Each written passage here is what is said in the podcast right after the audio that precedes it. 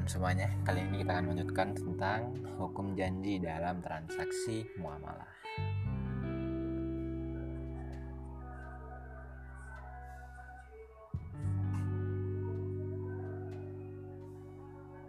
Terdapat perbedaan ikhtilaf, yaitu perbedaan pendapat dari para ulama. Di antaranya para fukoha mengenai status hukum memenuhi janji.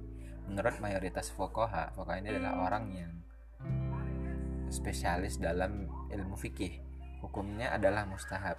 Hukumnya mengikat secara agama tetapi tidak mengikat secara hukum formal. Pendapat yang kedua, wajib mutlak yaitu semua janji hukumnya mengikat. Pendapat yang ketiga adalah wajib mu'allak. Terdapat dua jenis wajib mu'allak. Pertama, wajib memenuhi janji baik syarat tersebut dapat dipenuhi atau tidak dapat dipenuhi. Kedua, tidak wajib memenuhi janji kecuali syaratnya terpenuhi. Pendapat yang dipilih adalah pendapat yang kedua, yaitu terikatnya janji bagi pihak yang berjanji atau melakukan perjanjian baik secara agama maupun hukum formal. Nah, ini ada penjelasannya teman-teman semua. Yang pertama ada A. Mustahab. Menurut mayoritas ahli fikih Jumhur Fuqaha Yaitu Hanafiyah, Syafi'iyah, Hanabilah, dan sebagian Malikiyah Janji hukumnya mengikat secara agama Tetapi tidak mengikat secara hukum formal. Apabila seseorang berjanji akan memberikan hadiah harta kekayaan Maka yang lebih utama menurut agama adalah melaksanakan janji tersebut. Tetapi hukum formal tidak bisa memaksa orang tersebut memenuhi janjinya untuk memberikan harta kekayaannya Alasan mustahabnya memenuhi janji menurut jumhur fuqaha sangat banyak. Di antara alasan tersebut adalah jadi ada alasan kenapa oh, dia menjadi mustahab. Yang pertama adalah kias analogi terhadap praktek hibah. Menurut jumhur fuqaha tidak terdapat keharusan kecuali setelah diberikan. Menurut Muhammad Al-Ani dalam Kuat Al-Mulzimah Hibah merupakan janji. Janji merupakan sumbangan tabarruk dari pihak yang berjanji dan tidak terdapat dalil yang menyatakan wajibnya tabarruk. Selain itu, janji juga merupakan akad goirul lazim, tidak mengikat yang boleh dibatalkan sebelum dilaksanakan. Yang kedua, ada pihak yang menerima janji tidak berhak atas janji yang diberikan oleh seseorang garim. Seorang garim orang yang punya hutang. Jika Amir berjanji akan memberikan hibah hadiah, berupa tanah seluas satu hektar kepada Hashim. Kemudian Amir meninggal sebelum hadiahnya diberikan dan meninggalkan hutang yang banyak atau dalam kondisi usahanya yang bangkrut. Maka Hashim dan ahli warisnya tidak boleh mengambil hadiah yang dijanjikan oleh Amir karena Amir meninggal dalam kondisi al-qalam itu meninggalkan hutang. Jadi dapat dikatakan apabila pihak yang berjanji meninggal dunia atau pilot maka pihak yang berjanji tersebut tidak wajib untuk memenuhi janjinya.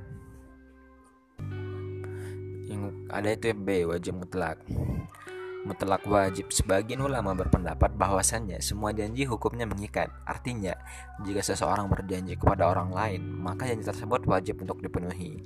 Pendapat ini didukung oleh Umar bin Abdul Aziz, Hasan Basri, Ibnu Hajar al Asqalani, Ishaq bin Ibrahim ibnu bin Rahawiyah gurunya Imam Bukhari As-Subuki ibnu Taimiyah ibnu Qayyim ibnu Al-Asyu Muhammad bin Ismail Al-Bukhari Ibnu Syubrumah Ibnu Al-Arabi Al-Ghazali Abu Bakar Razi Al-Jas sampai dan beberapa ulama lainnya dalam dalam kitabnya I'lam al-Muwaqi'in pada jilid pertama berpendapat bahwa hukum janji adalah mengikat. Dasar dari pendapat ini adalah sebagai berikut.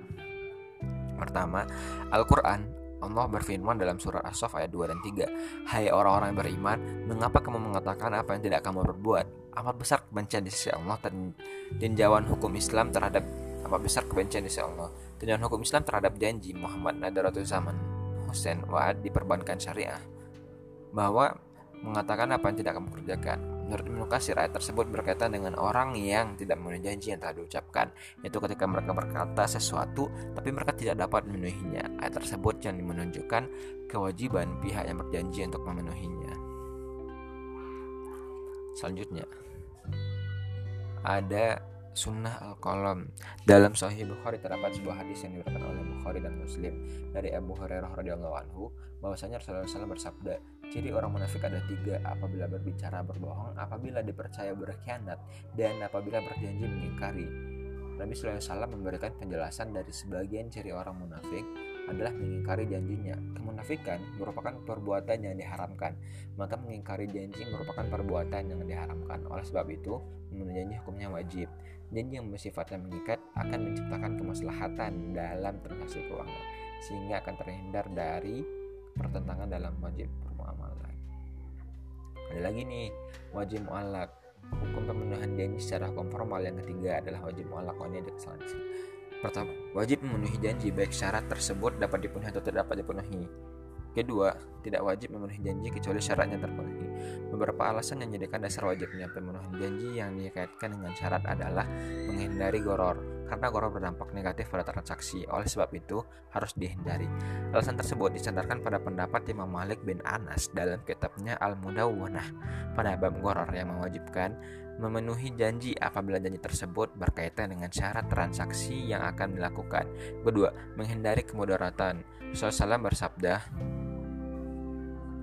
La, tidak boleh membahayakan dari sendiri dan membahayakan orang lain.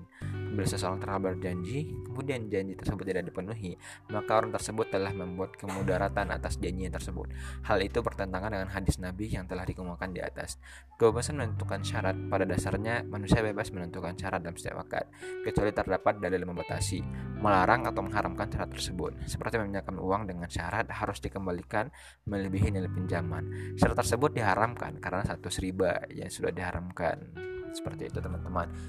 Itu yang kita bahas beberapa hal singkat. Thank you.